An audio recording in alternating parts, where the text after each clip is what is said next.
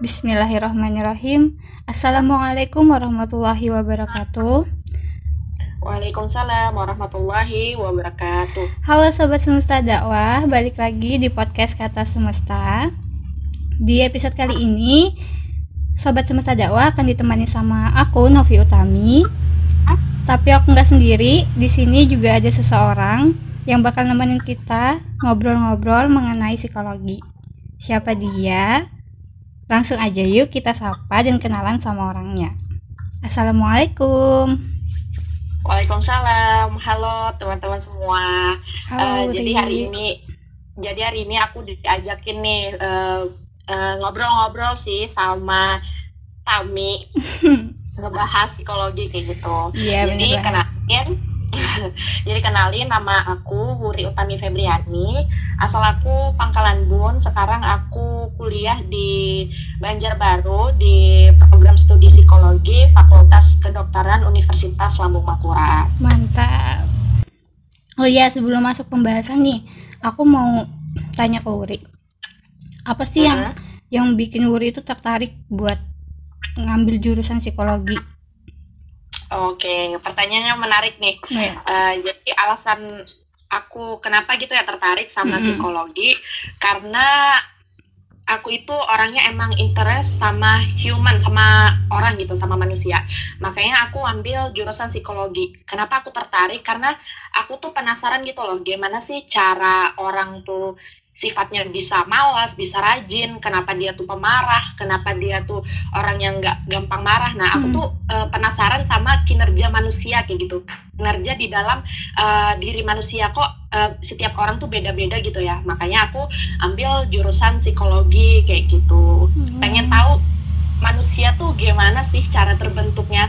Eh, maksudnya bukan fisiknya gitu ya tapi secara mental kayak Iya. gitu loh. Hmm. Itu ketertarikannya emang udah lama kah atau pas waktu SMA aja nyari-nyari, nyari tahu gitu? Mm-mm. Eh, sebenarnya aku baru menyadari ketertarikan itu tuh setelah aku eh, baca-baca buku sih. Kan manusia itu kan terbagi menjadi beberapa kecerdasan gitu ya. Ada Hmm. intelligence question, intelligent question atau IQ, ada AQ sama SQ kayak gitu. Wah, tuh? Nah, ternyata ternyata setelah aku baca, aku tuh sadar eh, apa ya, aku tuh lebih dominan di AQ atau emotional question. Jadi eh, itu tuh mengarah pada emosional gitu. Bagaimana seseorang menata emosionalnya, menata moodnya kayak gitu. Dan itu tuh berhubungan sama manusia. Nah dari SMP, dari SMA gitu, aku emang ketertarikannya sama manusia gitu. Eh, Oke. dan pas SMA aku ambil jurusan sosial gitu. Emang Mm-mm. ambil jurusan sosial karena ya interest aku itu sama manusia gitu Eh, paling apa ya paling males atau paling nggak bisa kalau belajar benda-benda mati kayak misalnya ya. kimia fisika itu kan belajar tentang cairan-cairan Iya, kimia iya, gitu benar. ya aku nggak bisa banget karena itu nggak bisa aku ajak ngomong nggak bisa aku komunikasikan gitu loh Tawi Iya, Paham iya. Iya, iya, paham, paham. Iya, eh, makanya aku ambil ini jurusan psikologi karena emang aku aku tuh eh, orangnya human interest banget kayak Mm-mm. gitu. Psikologi tuh kalau orang awam ya, itu tuh Mm-mm. kebanyakan ngira bisa baca pikiran orang gitu Oh atau iya, bisa iya, iya. ngeramal gitu. Nah, Ah, ah. itu tuh orang awam tuh biasanya mikirnya kayak gitu gitu. Jadi tuh sebenarnya psikologi tuh ilmu yang gimana? Oh iya, iya kadang orang tuh kan bilang seorang psikolog atau mahasiswa psikologi tuh kayak cenayang ya, jadi dia tuh bisa tahu pikiran seseorang Iya. atau keadaan diri dia tuh kayak gimana gitu kan, Mm-mm. kayak iya kurang lebih peramal lah kayak gitu Mm-mm. kan, biasanya orang banyak bilang kayak gitu. Iya. Eh, nah jadi ya eh, aku di sini eh, sharing atau meluruskan perspektif orang mengenai psikolog gitu atau orang-orang yang ada di bidang psikologi. Nah jadi kalau misalnya orang-orang yang belajar psikologi itu nggak serta merta langsung bisa nebak gitu loh, nggak serta merta langsung bisa Hmm. meramal. Kayak misalnya, ih pasti dia nih orangnya jahat. oh pasti Iya. dia tuh pikirannya buruk tentang aku nggak gitu ya soalnya eh, untuk menilai kepribadian seseorang pun emang mesti pakai alat tes kayak gitu. Dan itu tuh emang harus eh, dinilai dulu dianalisis dulu kayak gitu. Baru bisa kita tahu kepribadian dia kayak apa. Jadi nggak serta merta kita langsung ih pasti dia nih orangnya jutek deh orangnya ini pasti eh, pemarah deh. Nggak bisa ya langsung kayak Iya. gitu. Cuman ya kalau misalnya di psikologi tuh emang ada eh, mata kuliahnya gitu. Jadi dia tuh kayak apa ya kayak mempelajari gitu kayak misalnya tingkah laku manusia.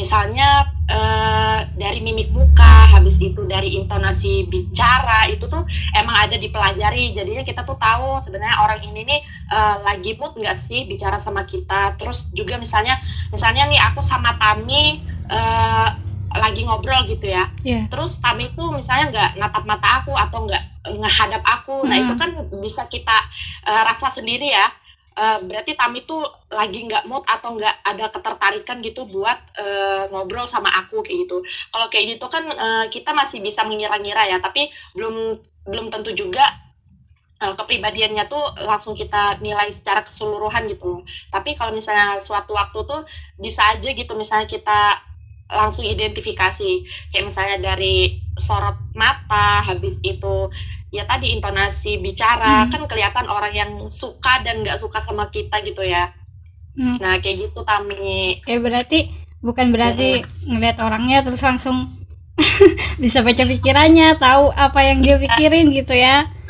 iya belum tentu tapi kalau misalnya eh, misalnya kita berkomunikasi sama dia nih kita lihat aja gimana eh, cara dia duduk terus gimana cara dia eh, ngomong sama kita apakah melas apakah eh, excited gitu Eh, terus juga lihat juga matanya apakah dia emang menatap kita benar-benar kayak gitu kan itu kelihatan gimana orang Hmm. itu tertarik sama kita atau enggak terus biasanya tuh kan eh, ada kan Tami misalnya kita di open eh op- misalnya rekrutmen gitu rekrutmen Oh pekerjaan ya. ah. Eh, ah habis tes psikologi itu kan biasanya ada wawancara ya Iya. nah wawancara kan eh, tujuannya untuk menilai kepribadian seseorang nah misalnya dari cara dia duduk berjabat tangan nah itu bisa bisa dinilai kayak gitu kalau misalnya kita mempelajari ilmunya dan itu ada kok dibahas di psikologi kayak gitu Hmm.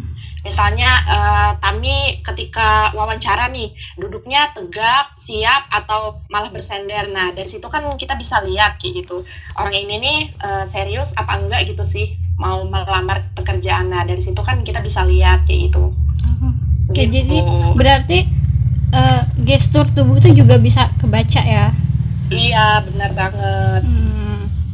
Nah, kalau kalau tadi kan dengar ada alatnya tuh, kata Yuri. Mm-mm, Itu- Alat tes ya. Oh, itu alatnya bentuknya gimana tuh? Oh, alat alat tesnya itu eh, seperti psikotes pada umumnya loh, Tami. Eh, biasanya tuh kan kita misalnya mau masuk eh, sekolah, perguruan tinggi atau tes pekerjaan gitu kan biasanya eh, rangkaiannya ada psikotes kan. Nah, kayak Hmm. gitu itu namanya alat tes psikologi mengukur kecerdasan, kemudian mengukur eh, kepribadian seseorang kayak gitu. Tergantung kebutuhan kita sih. Misalnya eh, aku nih, aku punya suatu instansi pendidikan. Nah, kalau misalnya aku mau cari orang-orang yang pintar, ya berarti aku menggunakan alat tes untuk mengukur IQ kayak gitu. Tapi kalau misalnya kita nih eh, punya perusahaan dan kita mau merekrut orang-orang yang eh, kerjanya bagus, habis itu eh, respo, res, responsibility-nya bagus juga gitu. Berarti Hmm. kita eh, pakai alat tes yang emang mengukur kinerja seseorang kayak gitu. Jadi alat tesnya tuh tergantung kebutuhan kita.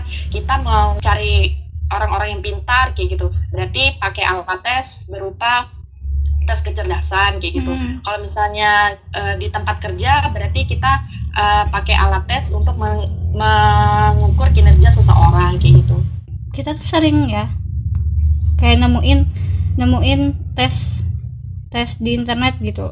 Mm-mm. Pernah ya? Aku aku pernah Oh, iya, pernah nemuin kayak misalkan kalau kamu ngelihat gambar ini it- eh, gambar pertama yang kamu lihat gitu itu bisa menentukan kepribadian kamu kayak gitu. Nah itu tuh akurat nggak sih kalau tadi mengingat ke belakang tuh sebenarnya ada alatnya nggak nggak nggak langsung bisa gitu. Tapi iya iya iya. uh, tes tes psikolog yang ada di internet tuh bisa dipercaya nggak? Nah eh, sebenarnya kalau misalnya apa ya tes kepribadian yang ada di internet itu eh, nggak bisa kita percaya ya keakuratannya kayak gitu kemudian juga eh, aku sangat-sangat tidak menyarankan untuk eh, kita melakukan tes tes psikologi gitu di internet karena uh, kalau kita mau mengetahui misalnya IQ kita, kemudian kinerja kita itu gimana, kepribadian kita gimana tuh emang mesti pakai ini uh, alat tes psikologi gitu dan itu ada mata kuliahnya di uh, jurusan aku kayak gitu. Hmm. Kemarin pas semester 3 itu ada namanya uh, mata kuliah psikodiagnostika. Jadi itu tuh mempelajari tentang alat tes, terus pengaplikasiannya, terus scoringnya tuh gimana. Dan itu tuh uh, apa ya? Menurutku rangkaiannya tuh harus benar-benar teliti gitu loh. Kita melakukan uh, pengaplikasiannya serta scoringnya tuh karena itu kan berhubungan dengan manusia. Jangan yeah. sampai misalnya uh, kita nih tes, habis itu uh, nanti Tami yang scoring. Kalau misalnya Tami salah-salah scoring kan nanti uh, salah gitu ya. Misalnya taunya dia nih orangnya pintar tapi ternyata karena Tami nge-scoringnya nggak misalnya hmm. salah-salah gitu. Jadinya IQ-nya malah rendah kayak gitu. Nah, uh, serumit itu gitu loh untuk mengukur uh, psikologi seseorang. Uh, masa uh, kita di internet ngisi beberapa menit tiba-tiba langsung keluar gitu. Sedangkan untuk ngukur aja mesti ada rangkaiannya. Kemudian dan itu tuh alat psikologi tuh nggak nggak sembarangan gitu ya disebarkan gitu. Ha, boleh di boleh diaplikasikan oleh misalnya instansi yang memang sudah terdaftar e, bisa menggunakan alat psikologi atau para psikolog klinis kayak gitu. Jadi e, alat psikologi tuh nggak nggak boleh disebarluaskan gitu ya emang harus ada izin izinnya kayak gitu hmm. uh, dan juga uh, untuk mendapatkan hasil dari kondisi psikologi seseorang tuh emang ada rangkaiannya kayak gitu Oke. Okay. Emang ada rangkaian uh, kita ngasih alat tes, habis itu uh, mereka kerjakan dan itu tuh juga ada apa ya? Misalnya suatu alat tes tuh ada ininya loh, ada waktunya, harus sampai berapa menit gitu. Hmm terus uh, habis itu gimana dia mengerjakannya cepat atau lambat itu tuh dinilai juga hmm. kayak gitu oh masuk penilaian ya Nah, uh, kalau misalnya kita di internet kan uh, bebas aja kita iya, mau ngerjain uh, satu jam bisa dijeda-jeda gitu kan. ya kalau di YouTube. Iya makanya itu uh, emang emang rumit dan menurut aku ya memang rumit karena aku masih mahasiswa gitu emang rumit -hmm. dan uh, pengaplikasiannya tuh nggak boleh sembarangan gitu loh. -hmm mm, gitu Oke, berarti kalau memang udah mau mau tahu tentang IQ kita, kepribadian kita, mending langsung datang ke psikolognya langsung ya, nggak usah nggak iya, usah ngeliat di internet. Iya ya, kalau mau akurat dan emang ta emang mau tahu sebenarnya IQ kita tuh berapa, terus kepribadian kita tuh gimana, datang aja langsung ke biro psikologi atau menghubungi psikolog klinis gitu buat uh, mengukur uh, psikologis kita kayak gitu. Oke. Okay. Nah, uh, terus biasa itu juga ada nih kalau psikolog itu ada kalau dengar psikolog biasa itu ada psikiater gitu. Nah, kalau yang aku tahu tuh kadang-kadang orang tuh nganggap psikolog itu ilmu psikologi itu ilmunya gitu, psikiater itu orangnya gitu. Sebenarnya itu oh. itu dua iya. hal yang berbeda atau sama? Uh, psikolog dan psikiater itu berbeda ya. Psikolog itu uh, praktisinya itu mempunyai basic uh, mempelajari psikologi gitu. Emang ilmu yang dia pelajari di bangku kuliah tuh jurusan psikolog eh, psikologi kayak gitu. Tapi kalau psikiater dia itu ambil pendidikannya pendidikan dokter. Jadi berbeda ya hmm. ya dari dari uh, fase pendidikannya aja udah beda. Kalau psikolog tuh emang ambil jurusan psikologi. Kalau psikiater ambil jurusan pendidikan dokter. Nah, kalau psikolog supaya uh, mahasiswa psikologi nih bisa mendapatkan gelar psikolog, hmm. dia harus ambil pendidikan profesi psikolog gitu. Jadi S2-nya itu psikolog biar psikolog biar biar dia bisa dapatin gelar psikolog kayak gitu. Tapi kalau misalnya uh, psikiater dia ambil pendidikan profesi profesinya tuh psikiatri kayak gitu dari pas selesai ini pendidikan dokternya. Jadi psikiater tuh spesialis spesialis gitu loh, spesialisnya Hmm. dari pendidikan dokter. Jadi emang berbeda dua-duanya. Dan eh, perbedaan selain dari perspektif pendidikan ya, Hmm. Eh, kalau misalnya psikolog itu eh, dia hanya melakukan misalnya intervensinya itu berupa saran-saran, habis itu memberikan eh, sudut pandang kayak gitu, kemudian konseling. Nah, kalau misalnya psikiater, kalau psikiater itu eh, bisa menggunakan resep gitu, misalnya eh, aku nih aku sedang depresi kayak gitu ya, terus Hmm. aku ke psikiater. Nah, nanti dokternya itu bisa ngasih kita resep obat gitu loh. Misalnya antidepresan supaya kita eh, turun depresinya kayak gitu. Tapi kalau psikolog itu nggak ngasih resep. Jadi dia tuh cuma melakukan proses eh, konseling ataupun eh, treatment-treatment lainnya yang bisa meredakan eh, depresi itu gitu loh. Tapi kalau misalnya yang psikiater itu nah dia bisa kasih obat untuk meredakan eh, depresinya kayak gitu Oke. Oke. Hmm, jadi beda Beda ya, Hmm. beda banget sih. Iya, iya. Kok dari pendidikannya habis itu eh, cara mereka itu beda kayak gitu. Tapi sama-sama me- tentang kejiwaan kayak gitu ya. Iya. Fokusnya kejiwaan kayak gitu. Heeh. Cuman kalau misalnya psikiater itu memang dia itu dokter dan kalau psikolog itu kan bukan dokter ya, emang Hmm. eh, profesinya psikolog kayak gitu. Oh, jadi psikiater masuknya dokter ya, bisa ngasih resep. Mm-mm. Iya, benar. Iya. Berarti kalau Uri kan ini S1 ya?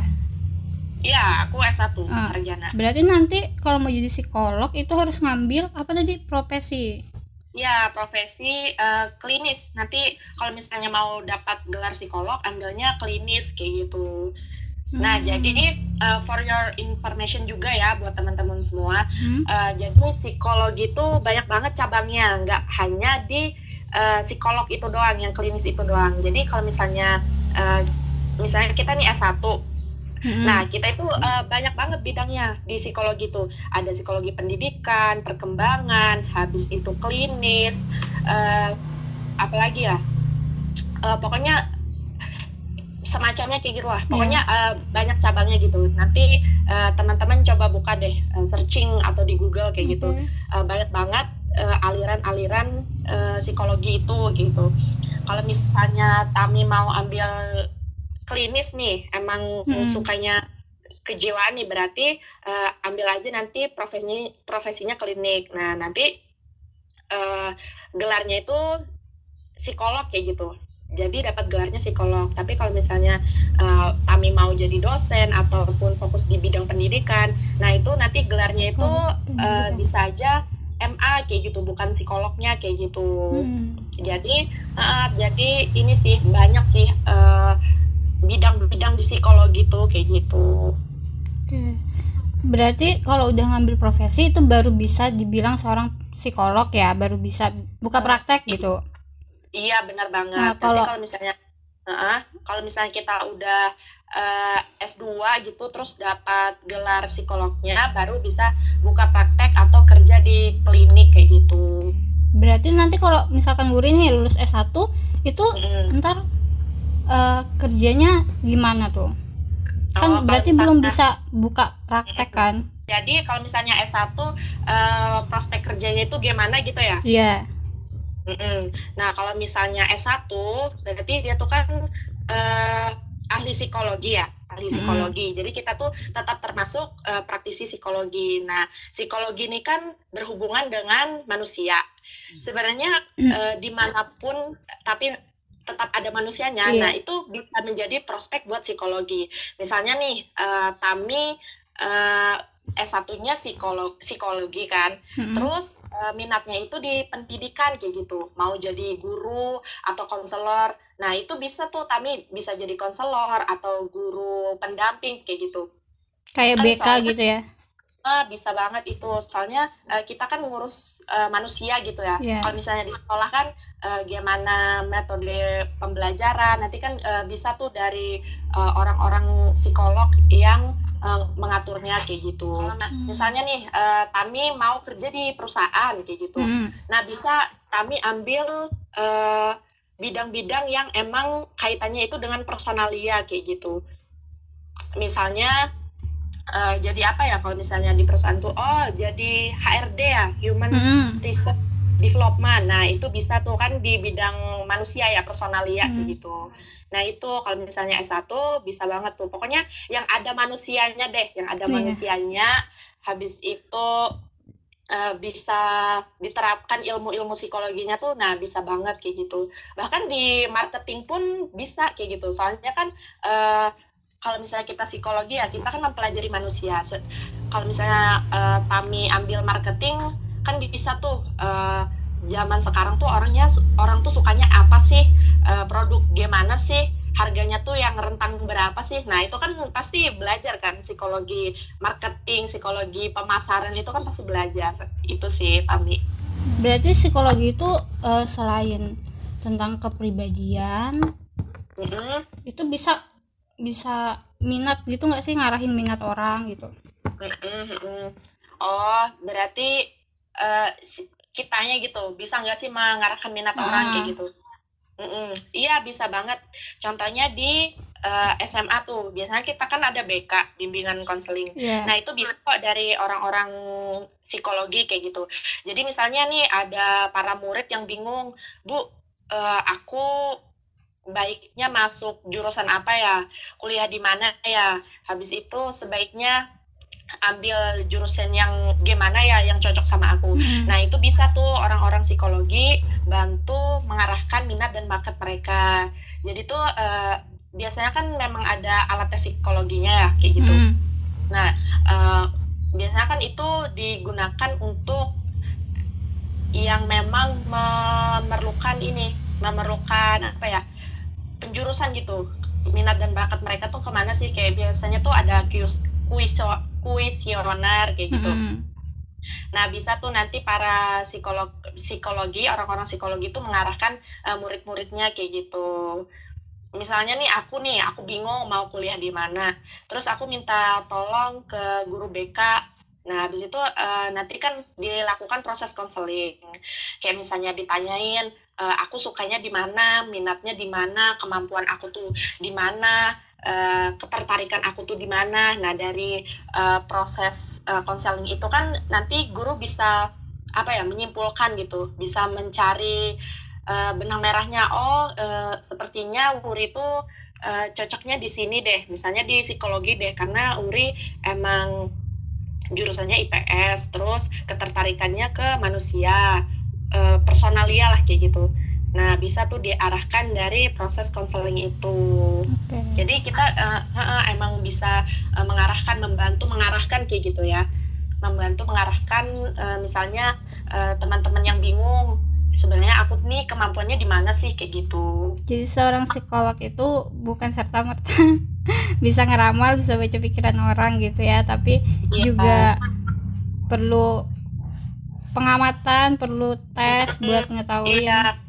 Lawan bicaranya gitu ya iya benar banget jadi nggak serta merta kita tahu lah setiap orang tuh oh pasti dia nih orangnya uh, pemalas nih nggak serta merta kayak yeah. gitu ya tapi emang mesti melakukan uh, tes psikologi kayak gitu uh, mungkin ada statement uh, close close statement nih dari Uri. Oke, okay.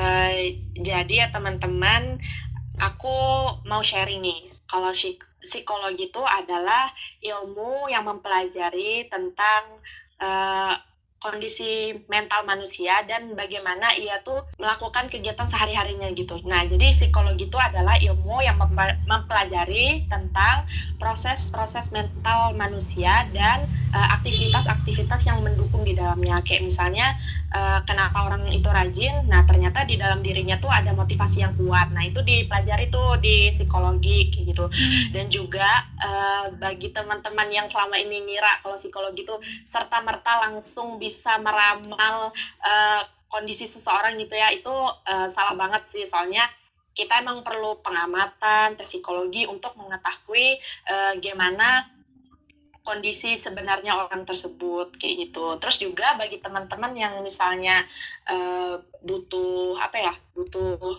bimbingan atau butuh tempat untuk mencari solusi jangan sungkan-sungkan untuk uh, datang ke profesional ke psikolog psikiater gitu uh, jangan sampai uh, apa ya kondisi saat ini baik di teman-teman tuh teman-teman timbun sendiri gitu. Karena itu nggak bagus banget buat kesehatan mental teman-teman. Jadi jangan sungkan-sungkan untuk datang ke profesional ataupun uh, cerita nih sama orang-orang terdekatnya kayak gitu. Jangan sampai uh, kesehatan mental teman-teman itu uh, terganggu dan akhirnya nanti malah menghambat uh, aktivitas hari-hari teman-teman kayak gitu. Oke, semoga setelah dengerin podcast ini bisa ngebuka pikiran kita, bisa membuka wawasan kita tentang psikologi yang sebenarnya. Oke, uh, terima kasih ya buat Turi udah mau sharing sama kita, udah mau bagi ilmunya. Iya, sama kita. Sama-sama. Semoga yang dengar ini bermanfaat ya. Gak Semoga apa. Apa yang aku sampaikan ke teman-teman e, bisa bermanfaat. Kalau misalnya pun aku ada salah kata, boleh banget e, koreksinya dari teman-teman ya. Oke, insya Allah bermanfaat banget sih ini. Oke, e, kita tutup aja. Makasih banyak juga buat teman-teman sobat semesta dakwah yang udah dengerin podcast kita sampai habis. Semoga bisa menambah ilmu dan bermanfaat. Kalau gitu kita pamit undur diri. Wassalamualaikum warahmatullahi wabarakatuh.